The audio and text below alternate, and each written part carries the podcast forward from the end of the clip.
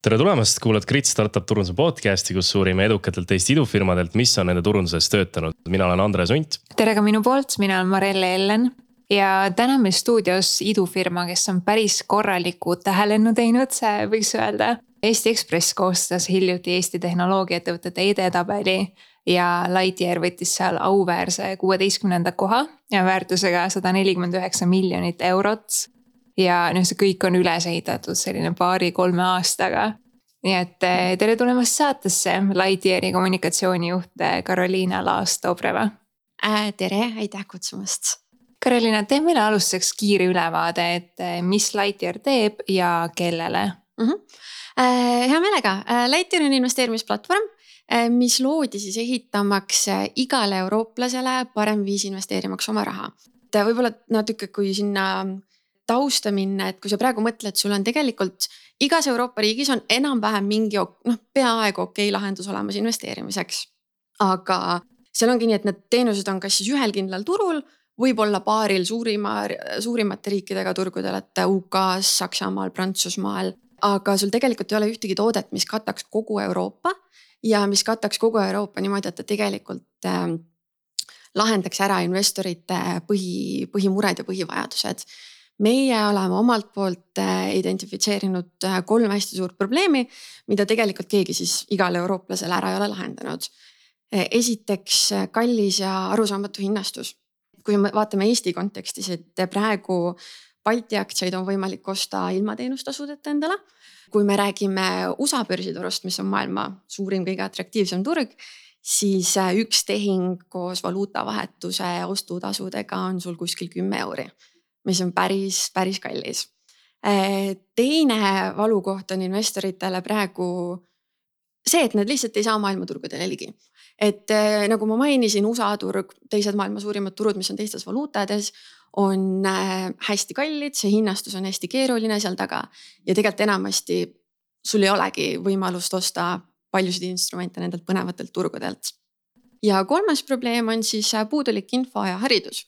Et enamus ähm, äh, platvorme, kus sa saad investeerida, on loodud olemaks äh, tehinguplatvorm. et sa saad seal oma ostu ära teha ja see on kõik. meie tahame pakkuda inimestele nii-öelda one stop shop'i kus sa saaksid jah, oma investeeringud ära teha, aga enne nende tegemist sa saaksid ennast kurssi viia sellega, mis toimub turgudel, kurssi viia sellega, mida teevad äh, sinu välja vaadatud instrumendid. Ja et ka pärast seda ostu, et sul oleks nagu ilus visualiseeritud ülevaade sellest, mis su portfelliga toimub. et praegu on veel väga palju teenusepakkujaid, kus äh, ei ole noh isegi graafikut su portfelli kohta, mis näiteks, kas see läheb üles või alla, et sa pead selle kõik ise välja arvutama, mis tundub noh, kahe tuhande kahekümne kolmandal aastal nagu natuke naeruväärne. et äh, me tahame ehitada jah sellise one stop shop'i, mis lahendaks ära investorite põhimured ja seda siis äh, igas Euroopa riigis.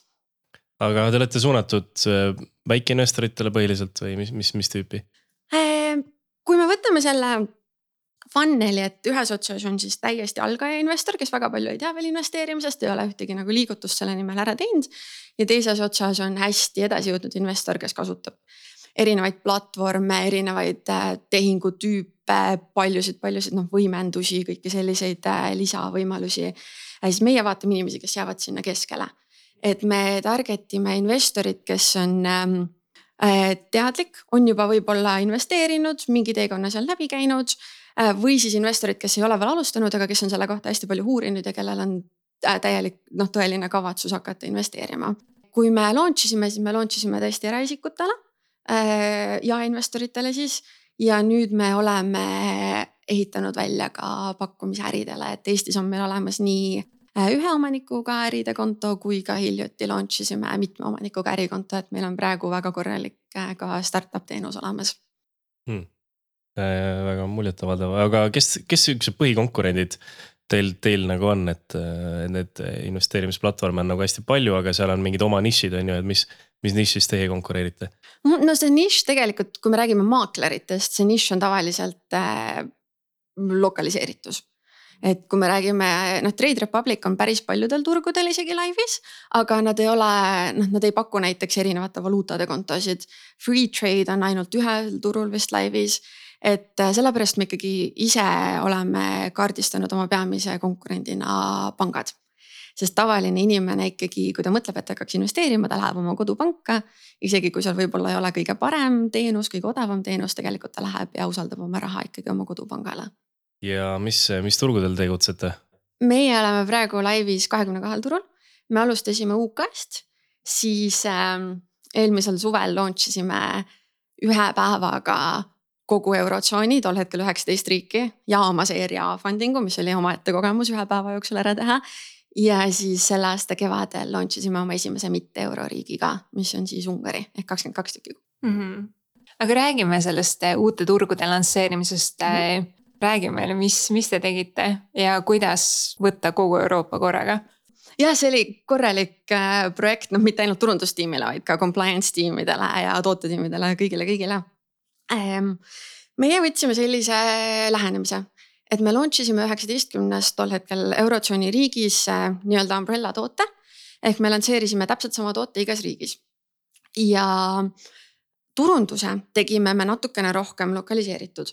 Ehk äh, kui me vaatame pressi, siis me valisime välja mingid äh, kindlad riigid, kus me läksime kohalike äh, väljaannete poole, aga me keskendusime hästi palju ka üle-euroopalistele outlet idele, et meie exclusive oli CNBC-s me saime TechCrunchi Siftidesse, meil oli CNN-i live teleülekanne, et sellised väljaanded, mida kui sa näiteks töötad tehnoloogias või kui sa jälgid välismaist meediat, mida arvatavasti inimesed üle kogu Euroopa jälgiksid või kust nad meist kuuleksid.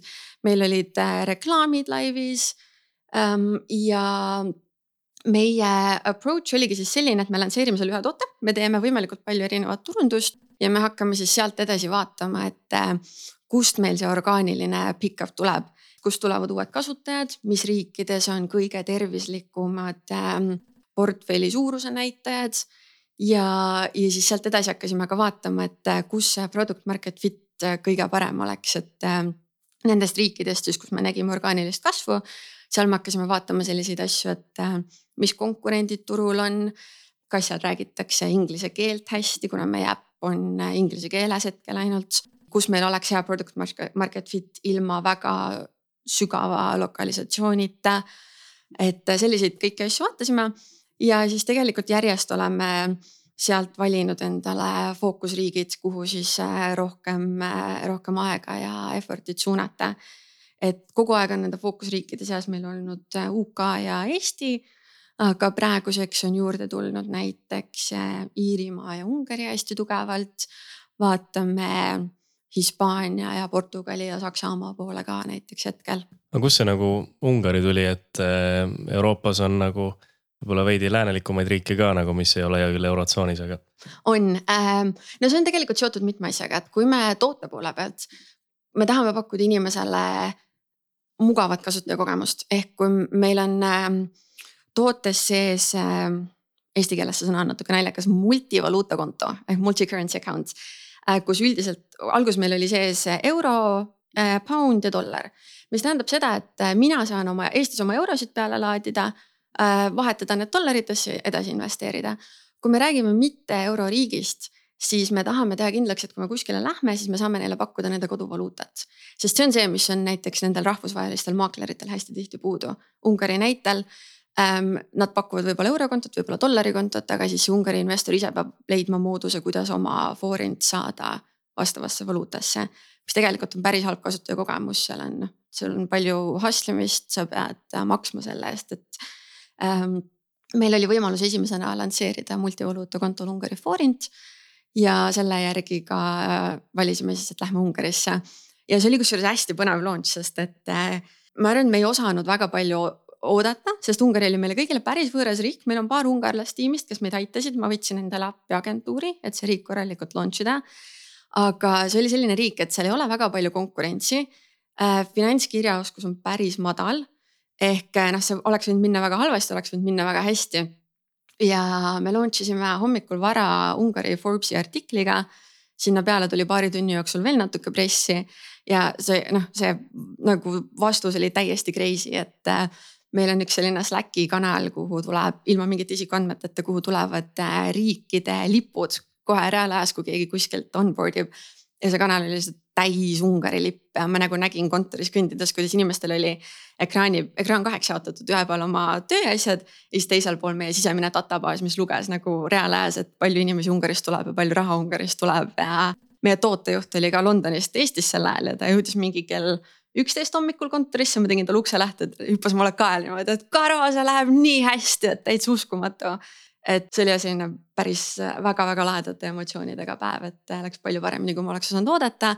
ja siiamaani Ungari kasvab väga hästi mm,. väga nagu lahe, lahe case study, et nagu võtta võib-olla riik, mis ei ole nagu top of mind nagu paljudel teistel startup idel, aga, aga just kus konkurents on nagu väiksem, et. jah, no ja sellepärast me tegelikult ju teemegi Lightyear, et äh, Eesti oli üks nendest riikidest, keda need suured äh, maaklerid ju tegelikult väldivad sest et noh, vähe inimesi, ma ei tea, ei ole kõige kõrgemad keskmised palgad, kõige suuremad säästude summad.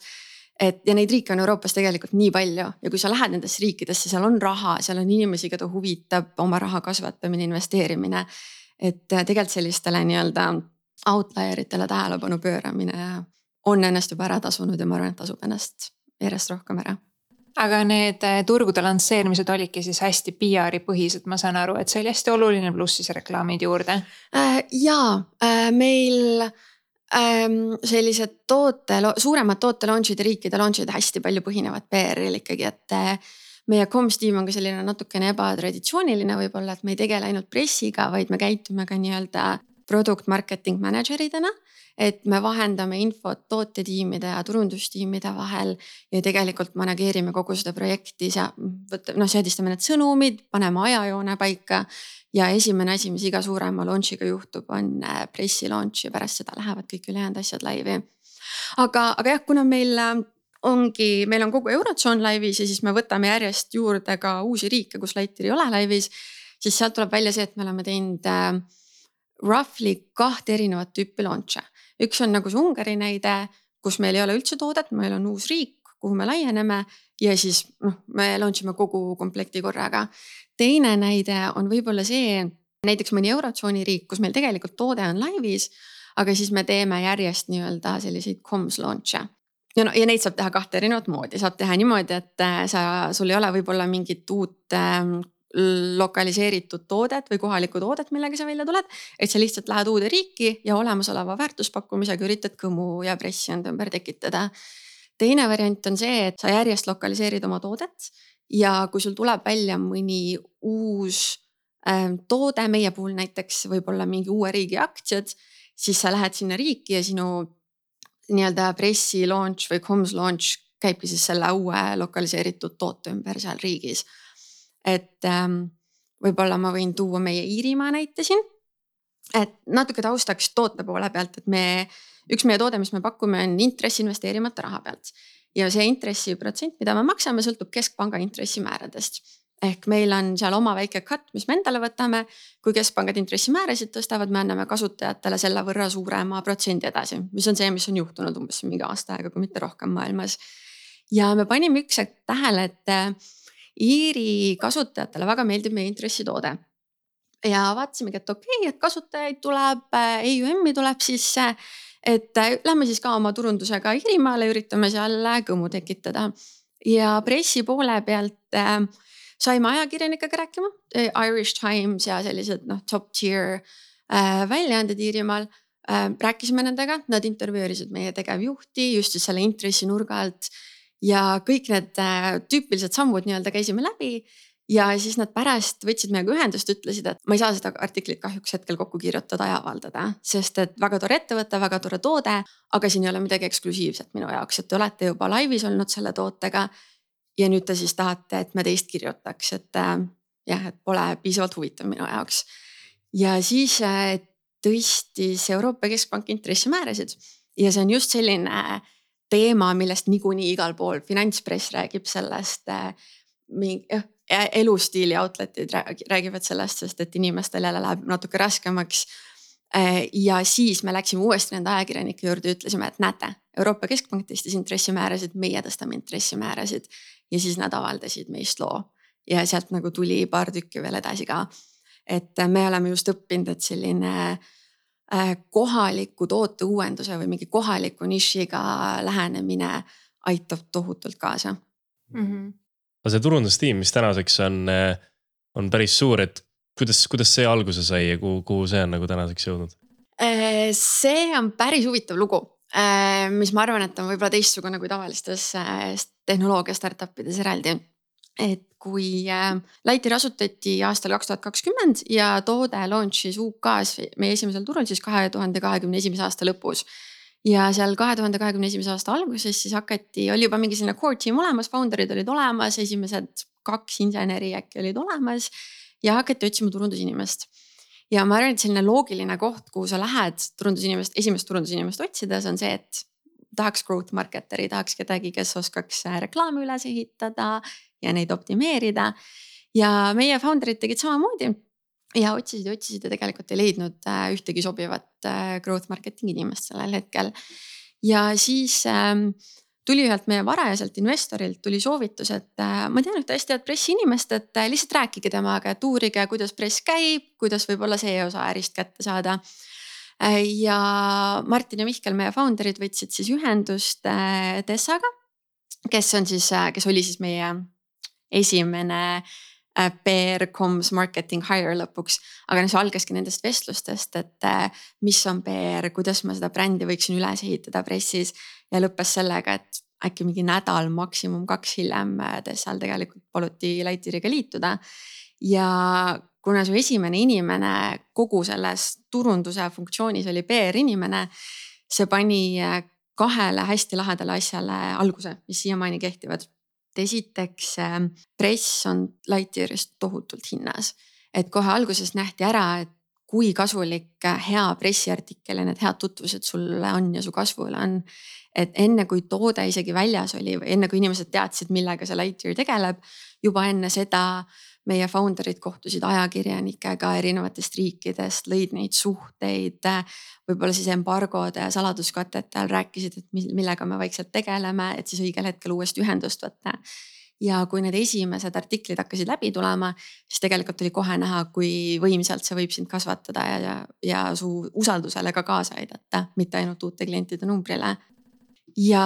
et toode ei olnud lansseeritud, aga juba artiklid ilmusid või? Äh, juba toimusid need vestlused, et äh, tere, TechCrunch ajakirjanik, see on Martin. et äh, rääkige, saage tuttavaks. meie esimene artikkel oli äkki esimesest funding round'ist ja siis me avaldasime, et me oleme Lightyear, me ehitame sellist toodet ja siis, kui me jah, ja siis järgmised artiklid tulid juba teise funding round'iga, mis oli päris mõned kuud hiljem ainult pärast esimest ja päris lansseerimisega. et, äh, et need artiklid tulid kiiresti, sellepärast et me olime selle eeltöö ära teinud siis, kui me alles ehitasime toodet. ja noh, meie nimi ei olnud avalik, see, millega me täpselt välja tuleme, see osa ei olnud avalik ja, ja teine asi, millele siis selline pressiinimese palkamine alguse pani, on see, et meie äh, ma vist korraks mainisin ka juba, et meie komstiim on hästi ebatraditsiooniline, et äh, tavaliselt võib-olla, kui sa mõtled, et siis su mõte läheb niimoodi, et okei okay,, komstiim, see tähendab, et see on PR tiim, see tähendab, et see on pressitiim. et meil äh, komstiim tegeleb pressiga, aga ka community, ürituste, copy, landing page idega ja, ja lisaks siis see product marketing äh, funktsioon, et kui on mingi suurem launch, siis meie manageerime tegelikult kogu seda protsessi otsast lõpuni. Ja, ja see on noh, minu jaoks kui komsi inimese jaoks on hästi vinge väljakutse, sest sul ongi kogu aeg on mingi kümme erinevat tööliini jooksevad koos. aga see on see, mis äh, elu põnevana hoiab. kust teil praegu peamised kliendid tulevad? mis kanalite kaudu? yeah.. Äh, orgaaniline kasv on hästi suur, et seal ongi press sees äh, word of mouth äh, referral programmid. ja siis hästi on toiminud ka partnership'id, influencer'id ja affiliates. et need on praegu põhikanalid mm. -hmm aga hakkame otsast minema siis nüüd see on, no press ilmselgelt on sinu nagu ala, et kas sa oskad meile anda veel mingeid võib-olla PR nõuandeid, ma saan aru, et teil ka. milline see võib-olla jah, see jooksev nagu strateegia teil on seal, et ma arvan, et äh, pressi jooksvalt võib jaotada äkki umbes kolmeks, kui, kui me seda strateegiat vaatame. üks, üks osa on ettevõtte uudised, äh, rahastusvoorud, mingid suuremad toote launch'id, sellised asjad, mida sa pressiteadete kaudu niikuinii tahad välja kommunikeerida. teine osa mis näiteks meie faasis hakkab järjest olulisemaks muutuma, on arvamuslood, thought leadership lood, et need on hea viis näiteks endale mingit olulist teemat lobida või siis tõstatada mingi laiem diskussioon mingist murekohast, mis sind vaevab, mida võib oma missioonist võib-olla murekohast, mida te lahendate. ja kolmas teema, mis äh, on selline suht challenging, aga mis mulle hullult meeldib nii pressis kui ka tegelikult, äh, kui community poolt vaadata, on äh, enda sisestamine olemasolevatesse narratiividesse. et selline noh, näiteks Eesti näitel on ju, Eesti meedia landscape on pigem pisike ja noh, sul on ainult nii palju võimalusi, kus nad viitsivad sinust kirjutada, olgem ausad. ehk siis sa pead välja mõtlema mingeid päevakohaseid teemasid, kus sul oleks sõna sekka öelda, kus sul on teadmisi, võib-olla mingi tooteseos ja siis sa saad seal sisse hüpata ja näe, jälle sul on natuke rohkem pressi. et eriti, kui sa oled jah tõesti väike ja sul ei ole seda suurt brändi, mida on nagu lihtne müüa, et siis äh, minu soovitus on välja otsida need äh, ühenduskohad päevakajaliste teemade ja enda vahel, et ma korraks mainisin juba intressi ja Iirimaa lugu on ju, et noh, samamoodi Eestis näiteks ähm, Martin ükskord rääkis Äripäeva raadios, kui äh, USA-s tõsteti intressimäärasid, mis noh, kui dollari intressimäär tõuseb, see on üle maailma äh, väga suur sündmus, see mõjutab tegelikult paljusid teisi majandusi ka ja siis ma jällegi pitch isin Äripäevale, et kuulge, aga meie intressimäär tõuseb ka. äkki te tahaksite rääkida meie tegevjuhiga äh, sellest, kuidas see dollari intressimäära tõus mõjutab eestlasi, aga ka sellest, et äh, miks siis meie oleme otsustanud näiteks äh, intressi edasi maksta niivõrd suurel määral koos siis selle dollari baasintressimäära liikumisega. et sellised asjad tegelikult lähevad ajakirjanikele ka peale, sest sa seod selle ära millegi uudisväärtuslikuga kuulaja jaoks aga mis me nagu veel pressis võib-olla siis teeme, on ähm, me juba praegu varajases staadiumis tegelikult äh, üritame pressi mõõta võimalikult palju ja seda ettevõtte sees äh, edasi kommunikeerida.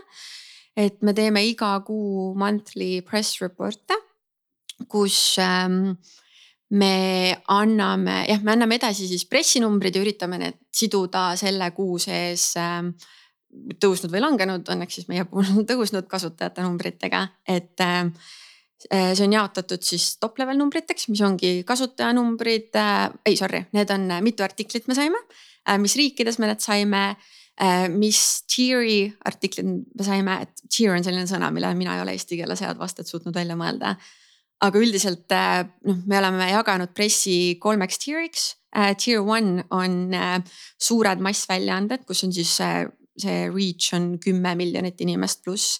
Tier kaks on natuke nišikam, reach on kuskil miljon kuni kümme miljonit ja tier kolm on sellised väga niši väljaanded, kus see reach on siis umbes äh, sinna miljoni kanti, et noh, Eesti Eesti kontekstis numbrid on muidugi väga teistsugused, aga mõju sa saad umbes samamoodi hinnata.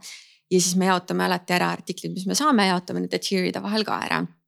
aa, et nagu iga riigiga, et, et mitte ei ole nii, et Postimees on tier kolm, vaid äh,? ei ole, ei ole, et noh, ma võin näiteks paar näidet võib-olla tuua, et UK tier one oleks äh, CNBC, äh, Financial Times, noh CNBC muidugi üle Euroopa äh,. Ungari tier one oleks äh, Forbes Ungari, Eesti tier one oleks Äripäev, Delfi, Postimees ähm,. Euroopa tier one on Sifty, TechCrunch, Eestis näiteks võib-olla Genius, FoundMe ja tier kolm, tegelikult ma Eesti olen jaotanud ainult kaheks, sest et meil ei ole piisavalt outlet'e, et neid siis sinna kolme jaotama hakata.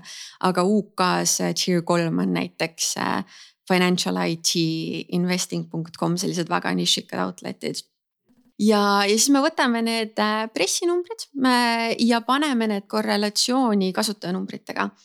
et näiteks me vaatame Äh, kuu kaupa, mitu artiklit me saime ja siis vaatame sellele, äh, paneme sellele vastama siis äh, kui palju EUM-i me selles kuus saime või mitu kasutajat selles kuus Lightyeariga liitus. vaatame siis orgaanilise kasvu numbreid ja ta ei ole muidugi nagu sada protsenti täpne. aga noh, meie hüpotees seda reporting ut alustades oli see, et mida rohkem artiklit, artikleid me saame, seda rohkem uusi kasutajaid tuleb Lightyear'i. et me saame nagu seda hüpoteesi mõelda ja kui võib-olla mõni kuu see, see vahekord päris ei vasta meie hüpoteesile, me saame üritada välja mõelda, miks. ja kolmas hästi oluline osa sellest äh, igakuisest raportist on äh, äh, competitor analüüs et me vaatame seda, mida teevad teised maaklerid, võib-olla mingid suuremad pangad investeerimisteemadel kirjutame välja kogu tiimile, et äh, kas nad launch isid mingeid tooteid või mis, mis need muud asjad olid, mille ümber nemad pressi said. kas näiteks Saksamaal on mingi maakler, kes saab väga palju pressi oma intressitoote pealt ähm, mis on madalam kui meie intressitoode, ehk see näitab meile ära, et kas Saksamaal on mingi tühimik, mida meie saaksime täita ja võib-olla ka seal hästi palju pressi saada et äh, sellist asja teeme iga kuu, mis on äh, päris lahe, varsti me oleme seda aasta aega kokku teinud, ehk siis me saame tõesti hakata vaatama neid liikumisi kuude vahel, et kas tõesti artiklite arv, kas see, mis tier'is me oleme neid artikleid saanud, et kas see on siis mingis pikaajalises korrelatsioonis kasutajate numbritega. Mm,. väga hea, see on vist jah põhiküsimus, mida me oleme omajagu podcast'is siin arutanud, et kuidas, kuidas PR tulemusi mõõta, ma olen sealt tõid nagu väga värske vaatenurga sellesse asjasse väga lahe, eks siin ole, siin on nii palju erinevaid võimalusi ja ma ei tea, kas ükski neist on sada protsenti täpne, aga. aga jah, me oleme üritanud välja mõelda sellise oma, oma lähenemise, siiamaani see on toiminud. ja loodame, et see meie hüpotees peab paika ka ma tahan veel küsida, sa oled maininud hästi palju nagu suuri väljaandeid, kas siis kohalikus riigis ongi neid tier one väljaanded või, või üle Euroopa. kas nendesse pitch imine on toimunud kuidagi läbi kontaktide või kui palju seal on ka selliseid külmi kõnesid? see nüüd äh, natukene, see pitch imine erineb äh, riikide vahel, et noh, näiteks kui me toome UK ja Eesti erisuse vahele. et kui mina Eestis alustasin Lightyearis, mul tegelikult ei olnud äh, pressikogemust all ehk mina nii palju kui võimalik, ma läksin läbi tuttavate, aga ma läksin otse siis ajakirjanike juurde. aga ma käisin ka läbi oma tuttavad, kes Eestis teevad PR-i, küsisin ajakirjanike kontakte ja alustasin tegelikult külmade emailidega enda tutvustamist et muidugi Eestis tegelikult üldjuhul sulle ikkagi vastatakse. Äh, võib-olla võtab natuke aega, et üles soojeneda, et su meilidele nagu kiiresti hakataks vastama. aga, aga tegelikult see toimis UK-s on nüüd niimoodi, et kui sa ikkagi pitch'id äh, tier one outlet idele, Financial Times idele ja sellistele. Siis ega see külm email naljalt ei toimi, et seal äh, noh, network on igal pool oluline, aga, aga UK-s on veel tohutult oluline. et äh, seal ikkagi sellepärast ongi hästi kasulik, kui sul on sees pressiinimene, kellel on kontaktid eelmisest ettevõttest, kes on saanud oma kontaktid oma teiselt kolleegilt, kellel on enne teda need kontaktid olnud et seal jah, inimesed peavad teadma, kas su brändi nime või sinu enda nime, et tegelikult sulle tähelepanu pöörata, sest nad saavad tuhandeid email'e iga päev.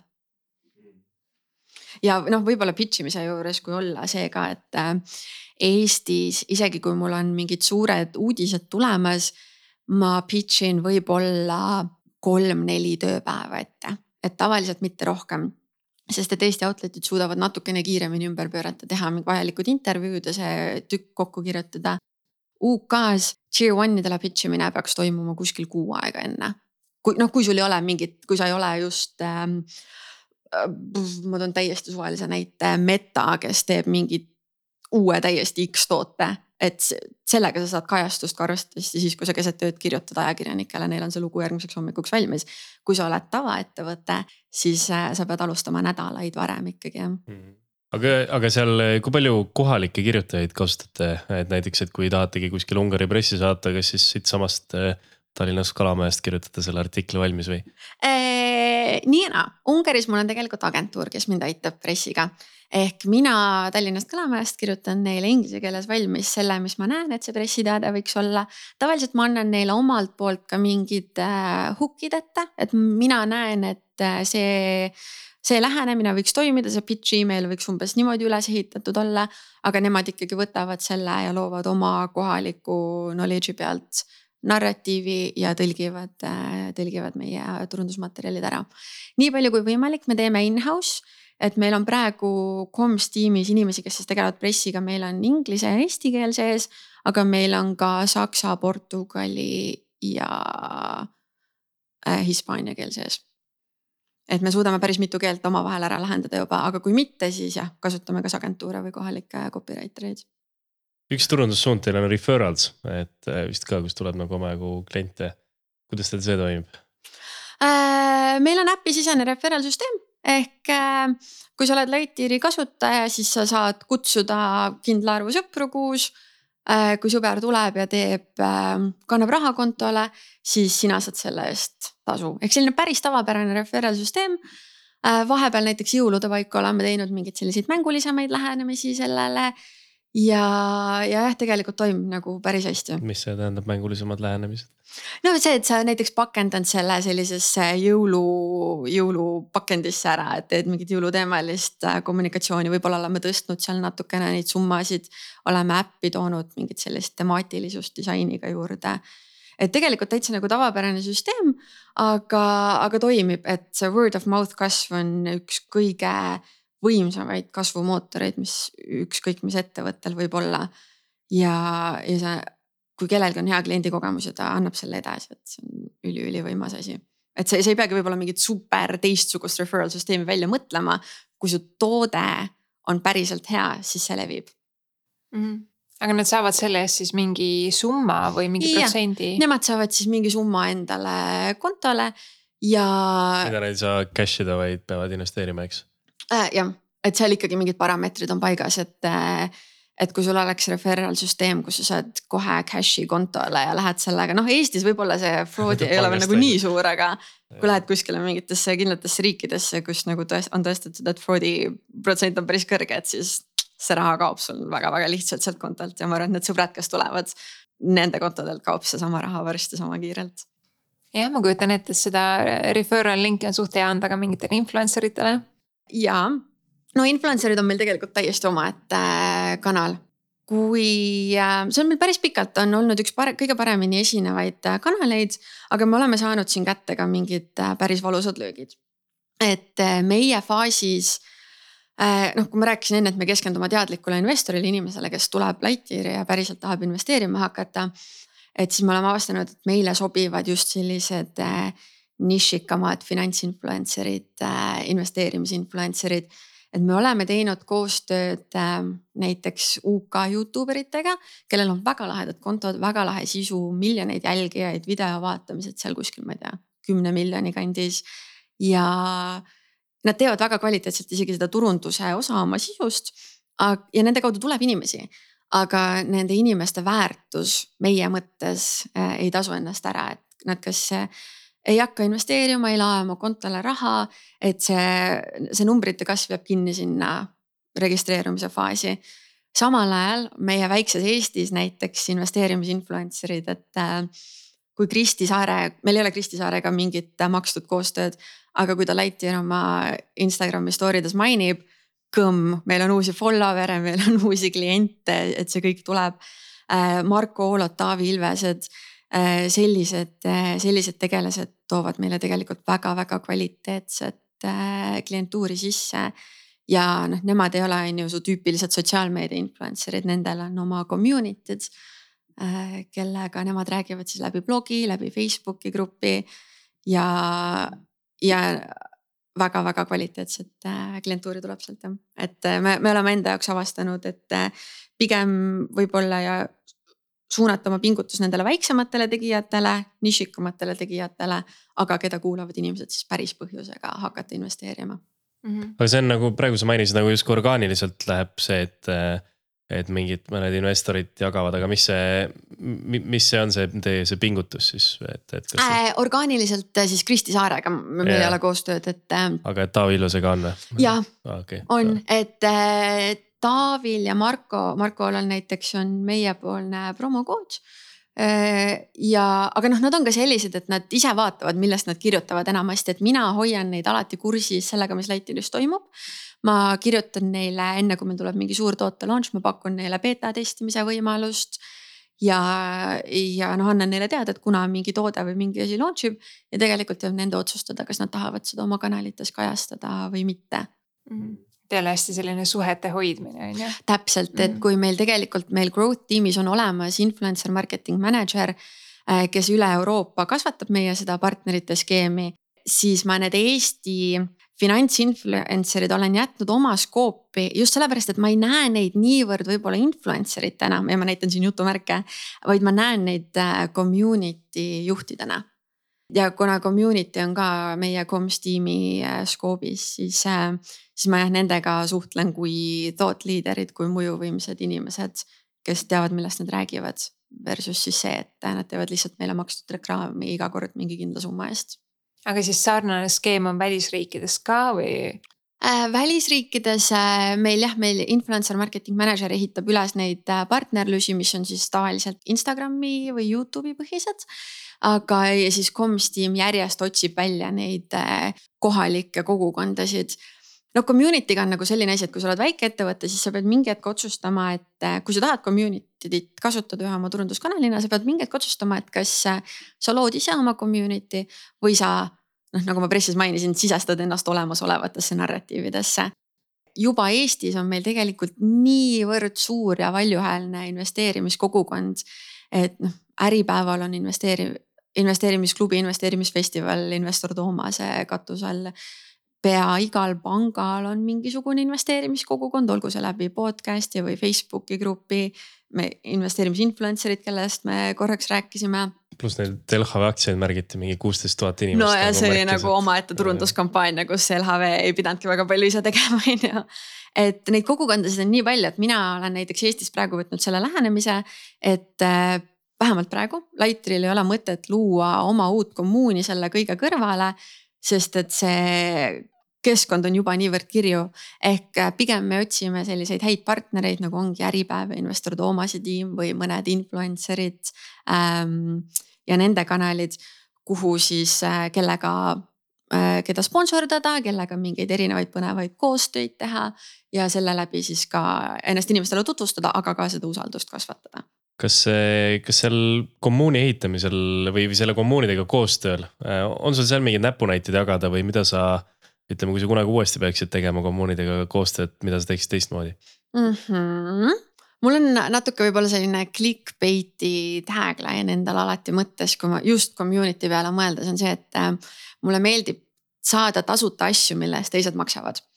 ehk äh, suures plaanis see tähendab seda, et kui me võtame näiteks mingi sponsorluse, sul on mingi äh, üritus, mida, kus, kust sulle antakse sponsoripakett Ehm, siis ma vaatan sellele esialgsele pakkumisele alati peale ja noh, siin on muidugi erandeid, aga enamasti oma peas ma juba tean, et see esialgne pakkumine äh, võiks pigem kõrvale jääda. ja ma mõtlen välja juurde sinna variante, mida me veel saaksime koos teha selle ürituste sarjaga, nende inimestega, kelle iganes poolt see pakett tuleb. ja, ja üritan just mõelda selliseid kapist välja, kapist, karbist välja ideesid et.... kastist. kastist, jah. minu meelest on see sõna. kastist välja on see sõna. no see juhtub, kui üritada inglise keelt jooksvalt eesti keelde tõlkida. kapist välja on teine teema jah aga kuhu ma nüüd oma jutu käin, et äh, jah, et kui sulle tuleb esialgne pakkumine, see on tavaliselt ürituste puhul see, et me paneme su logo oma turundusmaterjalidesse, võib-olla saad äh, oma rääkija lavale ja noh, umbes sinna ta jääb üritan alati võtta sammu tagasi, mõelda välja, mida me veel koos saaksime teha, mida põnevat me saaksime teha, mida võib-olla nemad ei ole varem teinud. Äh, ja lähen nende juurde alati mingi sellise noh, nii-öelda vastupakkumisega. Tegelikult äh, sul on nii palju ruumi ikkagi mängida nende koostööde ja partnerlustega ja sealt palju-palju-palju rohkem väärtust saada. alati see ei toimi, vahepeal jäädakse oma selle esimese pakkumise ja nende summade peale kinni, see on okei okay aga aga lihtsalt see, see väike lisahustle sealjuures, et sa kasvõi üritad midagi natuke rohkemat välja pakkuda. tavaliselt tegelikult võetakse vastu ja sa saad palju rohkem väärtust sellest. Nojah, võimalik, et mõlemad osapooled saavad, on ju. täpselt, kui sa pakud midagi põnevat ka teisele poolele välja, siis see on neile väga kasulik ja. ja no olgem ausad, et äh, tänapäeval juba mõlemad pooled peavad mõlemale poolele väärtust pakkuma et äh, ma arvan, et ükski ürituste sari, ettevõte ei vali enam partnereid ainult raha pärast, vaid nad juba päriselt vaatavad, et kellega meil on sarnane publik, kellega meil on sarnane missioon, sarnased asjad, mida me teha tahame. Ja selle põhjal äh, valivad jah partnerid välja mm. -hmm. mis te oma olemasolevate klientide hoidmiseks teete mm? -hmm. Me... peale hea toote pakkumise. ja me viimasel ajal oleme pannud hästi palju rõhku life cycle marketing'i väljaarendamisele. ehk just need erinevad äh, funnel'id äh, inimestest, kes on mingisse sammu näiteks registreerumisel kinni jäänud, et inimesed, kes on konto teinud, aga pole raha pannud, inimesed, kes on äh, raha kontole laadinud, aga pole investeerinud, nemad saaksid järjest erinevaid äh, kommunikatsioone. Push notification'id, in-app suhtlus, et meil on selline funktsioon in-app, et kui keegi avab Lighteri rakenduse, ta näeb sellist väikest kaarti. kus me saame kommunikeerida ka erinevaid põnevaid mingeid kampaaniaid, uusi tooteid, et sellele oleme hästi palju rõhku pannud. ja tegelikult ka erinevad kliendiüritused, et kui me olime UK-s ainult laivis ja oli koroonaaeg, siis me panime alguse sellisele Zoom'i kaudu toimivale Q and A sessioonile kuhu noh, me saatsime selle info välja küll ka sotsiaalmeediakanalites, eks seda arvatavasti nägid ka inimesed, kes ei olnud meie kliendid. aga enamus registreerimisi tuli emaili teel ehk äh, inimesed, kes olid meie kliendid, said emaili teel kutse. Äh, nad said esitada meie siis tegevjuhile või tootejuhile, kes iganes parajasti sellel üritusel esines, küsimusi ja siis meie Zoom'i teel vastasime neile, et tegelikult hästi lihtne kontseptsioon, aga väga väikse ettevõttena meil oli seal iga kord ikka mingi sada osalejat äkki, mis on päris hea number minu arust. ja kui koroona lõppes, me viisime need üritused äh, laivi, oleme teinud kliendiüritusi nüüd nii UK-s, Eestis, Ungaris. Äh, me veel päris ainult Lightyeari kliendiüritust ei ole teinud, et me oleme läinud äh, läbi noh, ma ei tea, startup katusorganisatsioonide näiteks ja teinud läbi nende sellise Lightyeari tutvumisõhtu, selliseid asju et need, nendele läheb ka meil päris palju rõhku jah aga et kui inimene näiteks seal jääb mingi registreerimises pooleli või et ta ei, ütleme, ei kanna raha või midagi, et mis, mis on kohe mingi vaste, mis te siis teete näiteks, et mõned siuksed näited oleks hea kuulda? Äh, push notification'id võivad neile välja minna e, emailid pigem, et ähm, näiteks kui keegi on konto teinud, aga ei ole raha veel äh, kontole laadinud, siis meil on selline toot emailide seeria, mis läheb kord nädalas neile välja, mis tutvustab järjest äh, meie erinevaid tooteid, äh, intressipakkumist investeerimata rahalt, selliseid asju. iga nädal ühe korra läheb välja, tuletab natukene võib-olla inimesele meelde, et kuule, Lightyear on ikkagi olemas siin su telefonis, siin saab neid põnevaid asju teha ja, ja siis sisaldab mingit linki, mis viiks inimese kas siis äh, veebilehele või rakendusele täpselt siis sinna kohta, kuhu ta on pooleli jäänud, on jäänud onboard imisel. et selliseid asju teeme Äh, ja jah, lifecycle marketing, et on nagu hästi kiiresti meil ka kasvama hakanud, et järjest rohkem me panemegi sellele nüüd rõhku, et äh, erinevad inimesed saaksid võimalikult äh, lokaliseeritud email'e, et need erinevad funnel'id rakenduses erinevasse kohta kinni jäänud inimestel oleksid võimalikult erinevad, võimalikult sobivad. et seda funktsiooni me ehitame praegu täie auruga välja. ja see on vist sihuke asi, mida võib nagu lõpmatuseni seal põhjalikumaks oh, finantstoodete puhul on kindlasti oluline ka see usalduse küsimus mm. -hmm. kas sul on siin võib-olla anda mõned nõuanded, et mida teha, kui sa oled noh, eriti algus vaata tundmatu brändina minna ja olla mingi, et hei, et kanna oma raha siia mm. -hmm. siin on mingit maagilist lahendust vist tegelikult ei ole. mis inimesi finantsasutuste puhul huvitab, on see, et kas see ettevõte on reguleeritud, kas see ettevõte on turvaline ehk kokkuvõttes, kas ma julgen oma raha neile usaldada. mis see tähendab regulatsioonide mõttes näiteks on see, et äh, noh, Lightyear toimub, on ju Euroopa, Euroopas ja UK-s ehk siis meil on kaks erinevat äh, regulatsioonide piirkonda.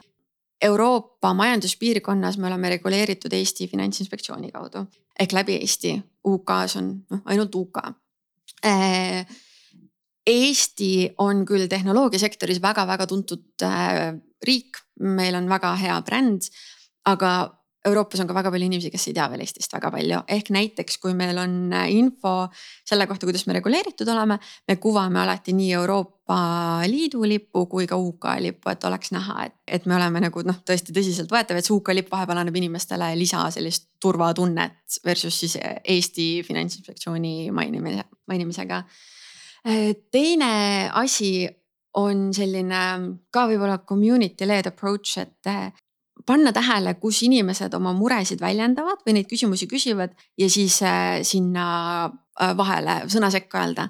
et näiteks Eesti, Eestis on Facebooki grupid hästi aktiivsed ikka veel investeerimisteemadel eriti ja seal me oleme päris tihti ikka näinud, et keegi küsib, et kuulge, et kas te usaldate Lightyeari või kuidas Lightyear sinu raha kaitseb ja kohe, kui me neid, kui keegi tiimist neid näeb, nad kohe saadavad äh, näiteks mulle edasi või panevad kuskile Slacki kanalisse.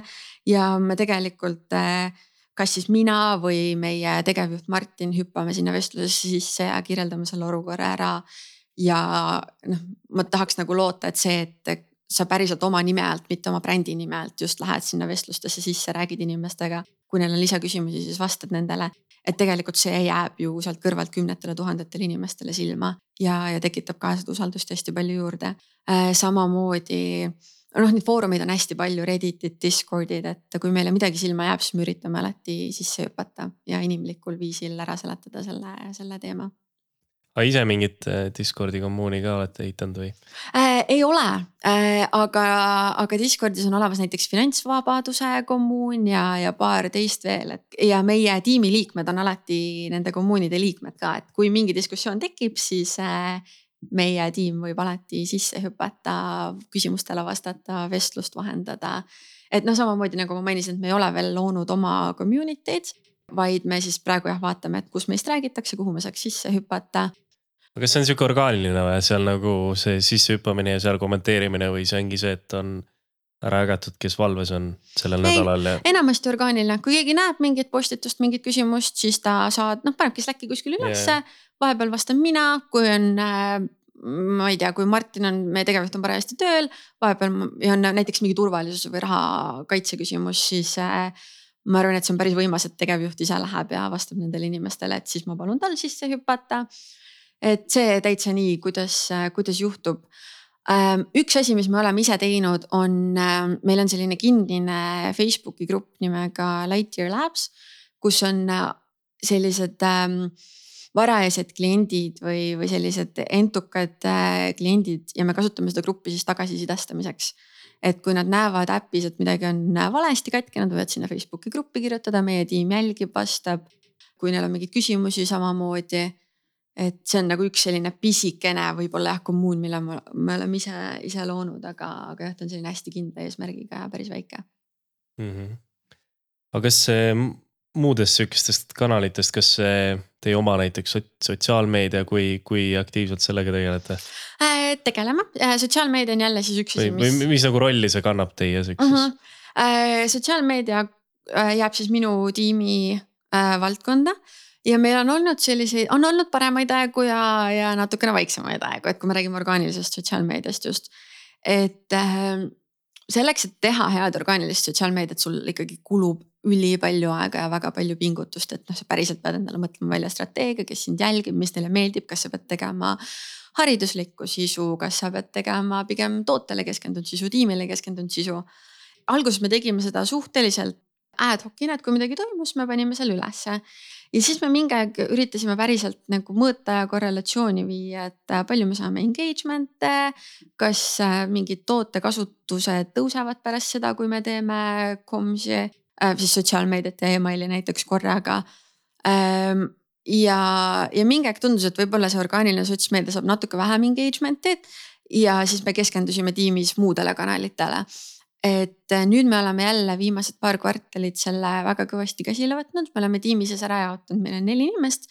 ja me oleme nädalate kaupa ära jaotanud, et iga nädal vastutab siis sotsiaalmeedia eest üks inimene. ja oleme nagu tõsiselt käsile võtnud ikkagi selle ehitamise, et meil oleks äh, constantly postitusi erinevatel teemadel postitusi, et kõik, mis äh, tootes juhtub, ikkagi jõuaks inimesteni on päris lahe, päris lahe nagu mudel, et sihuke nagu weekly take away, et, et jah, et keegi võtab nädalaks nagu enda peale, siis ta saab aru, et see on nüüd tema nädal särada. ja siis ta võib-olla nagu nädal aega saabki, ideed saavad otsa nädala lõpuks, siis võtabki juba keegi teine üle, et see on võib-olla viis, kuidas hoida seda asja sihukese nagu jah nagu ägedana. just täpselt ja ta hoiab sind ennast ka võib-olla natuke rohkem motiveerituna, et eriti kui sul ongi päris palju kanaleid, mida me igaüks äh, manageerime. et ta annab sulle võimaluse, et näiteks ähm, minul, kui mul on, ütleme Eestis ja Ungaris mingid suured launch'id tulemas eh, et mul ei oleks seda lisapinget, et okei okay,, et sotsmeediasse ka mingit lahedat sisu välja minema samal ajal, vaid et keegi teine tiimist saab see nädal sotsiaalmeedia üle võtta. mina saan keskenduda nendele äh, ajakriitilistele projektidele siis võib-olla teistes kanalites. et ta on päris palju nagu jah, sellist eh, entusiasmi ja motivatsiooni ja ma arvan, et ka meie sotsiaalmeedia kanalitele sellist liikuvust ja põnevust juurde andnud kas te olete mingite muude turundussuundadega ka sama, sama äh, juhtimist rakendanud või, et äh, jagate ära, et nädal aega teeb keegi üks või äh,? ei ole, see on nüüd ainus, et muidu meil on jaotatud äh, kas siis noh, growth tiimil meil on kanalite kaupa ära jaotatud, mille kallal nad töötavad. Comms tiimis meil on kas siis projektide kaupa või riikide kaupa mm. -hmm. aga kuidas makstud reklaamiga lood on, mingi Google Ads, Meta Ads? ja meil on äh, Meta Ads äh,, Meta reklaamid laivis ja Google Search reklaamid laivis. aga see ka natukene sõltub sellest, et me iga kvartal vaatame otsa oma kõige aktiivsematele riikidele, valime välja mingid fookusriigid ja siis keskendume nagu neile, et äh, kui meil pärast Euroop-, seda eurotsooni ühislaunch'i oli natuke aega igas eurotsooni riigis reklaamid laivis, et siis praegu meil enam seda ei ole, et praegu me teeme seda fokusseeritumalt äh,, riigipõhiselt. või siis, kui tuleb mingi toote launch, siis võib-olla tootepõhiselt. Üks asi, kus meil on crossover on näiteks see, et äh, kui me, näiteks meie tiim saab mingi väga hea pressiartikli, siis me alati, meie growth tiim boost ib seda Facebookis või Instagramis või siis tegelikult LinkedIn'i oleme ka viimasel ajal võtnud kasutusele. ja see on ka makstud reklaamina väga hästi toiminud aga seal paid ads'is, mis te olete, kuidas teil seal see sõnumi pool on jaotatud või niimoodi, et noh, et ega paid ads'is sellele sihtgrupile või noh, investeerimisega, neil on kõigil investeerimisplatvormidel päris suured eelarved, et üldse paid ads'i teha, nii palju, kui ma olen aru saanud, ma ei tea, ma näen kogu aeg nende igasuguste platvormide reklaame. kas tule... Lightyeari omasid ka või? ma ei ole kindel Facebookis, ma ei ole ammu scroll'i, võib-olla, võib-olla olen näinud, aga ei ole võib-olla tuvastanud niimoodi, aga et, et kuidas seal on nagu silma jääda nagu enda nende reklaamidega, mis te selle jaoks olete teinud? see on olnud selline päris pikk äh, õppimisprotsess. no orgaaniline versus äh, paid ads, et äh, paid peab sul olema lühem, konkreetsem, ta peab noh väga konkreetselt üles kutsuma mingile tegevusele tavaliselt on, on ju müügile, müügile suunatud, et lae äpp alla või kanna äpile raha. Ja ma arvan ka, et see disain peab olema nende kahe kanali vahel teistsugune, et äh, paid reklaamides ikkagi toimib palju rohkem see, kui me näitame oma toodet, me näitame võib-olla suure tekstina mingid põhi USB-d ära mis eriti, kui sa teed äh, mitmes eri riigis paid ads'e, mis toimib, on mingid sellised usalduselemendid. Trustpiloti viis tärni näiteks, see aitab hästi palju juurde. et mingid sellised väiksed asjad, et inimese tähelepanu jääks sinu reklaamil pidama, et ta saaks võimalikult kiiresti endale selle info kätte. ja siis, et ta näeks ära, et te olete ikka päris, et ei ole mingi skämm. mingid sellised elemendid on nagu palju olulisemad kui, kui orgaanilises võib-olla. et sa paned selle kohe visuaalile siis näiteks selle Trustpiloti või mm -hmm. jah, visuaalile mm. -hmm. siis ma vaatan, et Eestis te olete teinud seda, et praegu jookseb siin reklaam, et Postimehe majandusuudistes on teil mingi artikkel ja siis ja. te olete sellele reklaami teinud. et sihukest asja te teete muudes riikides ja, ka? ja absoluutselt, kui meil on näiteks mingi riigi launch või siis äh, jah, mingi toote launch ja me saame seal äh, mingi top tier pressiartikli äh, siis tegelikult me anname selle kohe oma growth tiimile edasi ja nemad boost ivad seda, et see funnel toimib päris hästi, et näiteks ma mäletangi Ungaris Äh, kui me launch isime, me saime siis esimese kahe päeva jooksul saime orgaaniliselt pressiartikleid. Aga noh, orgaaniliselt sul uudis vajub päris kiiresti ikkagi sinna äh, selle outlet'i kuskile sügavustesse. aga see press hoiab sedasama kõmu nädala, kaks-kolm veel elus. ja inimesed ikkagi kui, kui ma olen riigis, kus mingi investeerimisplatvorm on just launch inud, kas ma pigem klikin lingile, kus on lightyear.com või ma klikin lingile, kus on forbes.hu, ma klikin sinna Forbesi omale. aga mis on nagu lahe, on see, et nii palju, kui ma vaatan, siis siin on reklaam veel tehtud nii, et see nagu nii-öelda Facebooki reklaami link on see, et ta viib sinna nagu Postimehe majandusse, aga seal description'i või primary teksti sees on nagu lightyear.com'i mingi link ka nagu pandud. et nagu justkui ka, et, et jah, et juhul kui inimene võib-olla et võib-olla mõni klikib siis ka kohe kodulehele, jõuab ka kodulehele ka, et mm -hmm. nagu justkui kaks valikut inimesele antud. no vot, nipid-trikid. väiksed häkid jah mm. -hmm. kas sul on eh, soovitada ka võib-olla mingeid turunduse tööriistu, mida sa ise kasutad ja mis sind aitavad? ma lootsin, et sa küsid mult selle küsimuse, sest mul on üks tööriist, mis muudab kõikide pressiinimeste elu. ja, nüüd, tegelikult... ja kõik, kõik ajakirjanikud vihkavad, vihkavad seda see on selles, ma olen ise lihtsalt kuulnud, et ka UK-s on inim-, pressiinimesi, kes on teinud oma tööd neli-viis aastat ja saadavad ikka veel pressiteateid sadadele ajakirjanikele käsitsi välja. meie, meie kasutame sellist tööriista nagu YAM, Y-A-M-M, Yet Another Mail Merge, mis ühendab ära, sorry, ma nagu naeratan, sest ma olen nii elevil sellest. Äh, see ühendab. see on naeratamine okei okay. YAM ühendab ära Google Sheets'i ja sinu Gmaili ehk kui sul on vaja pressiteade välja saata, sa kirjutad Gmailis valmis äh, pitch emaili, kus sul on pressiteade. ja sa kirjutad selle niimoodi, et sa alustad äh, lausega tere hommikust, valem. ja sa lõpetad oma pitch emaili lausega on ju, et ah, loodan, et see uudis huvitab sind, valem väljaande jaoks. ja siis sul on kõrval Google Sheets, kus sul on kolm erinevat äh, tulpa. ühes tulbas on ajakirjaniku nimi, teises tulbas on väljaanne ja kolmandas tulbas on emailid. Ja siis selle mail merge'i kaudu sa Äh, saada automaatselt saata välja pressiteateid sadadele või tuhandetele ajakirjanikele, nii et nad on kõik personaliseeritud äh, otsast lõpuni. ja sa ei pea seda isegi, sa saad seda ähm, schedule ida ükskõik mis kellaajaks, et sa ei pea isegi varahommikul üles ärkama, kui sa kuskil teises ajatsoonis pressiteateid välja saadad. et see on olnud nagu noh, päriselt selline Geniaalne. elu muutev tööriist.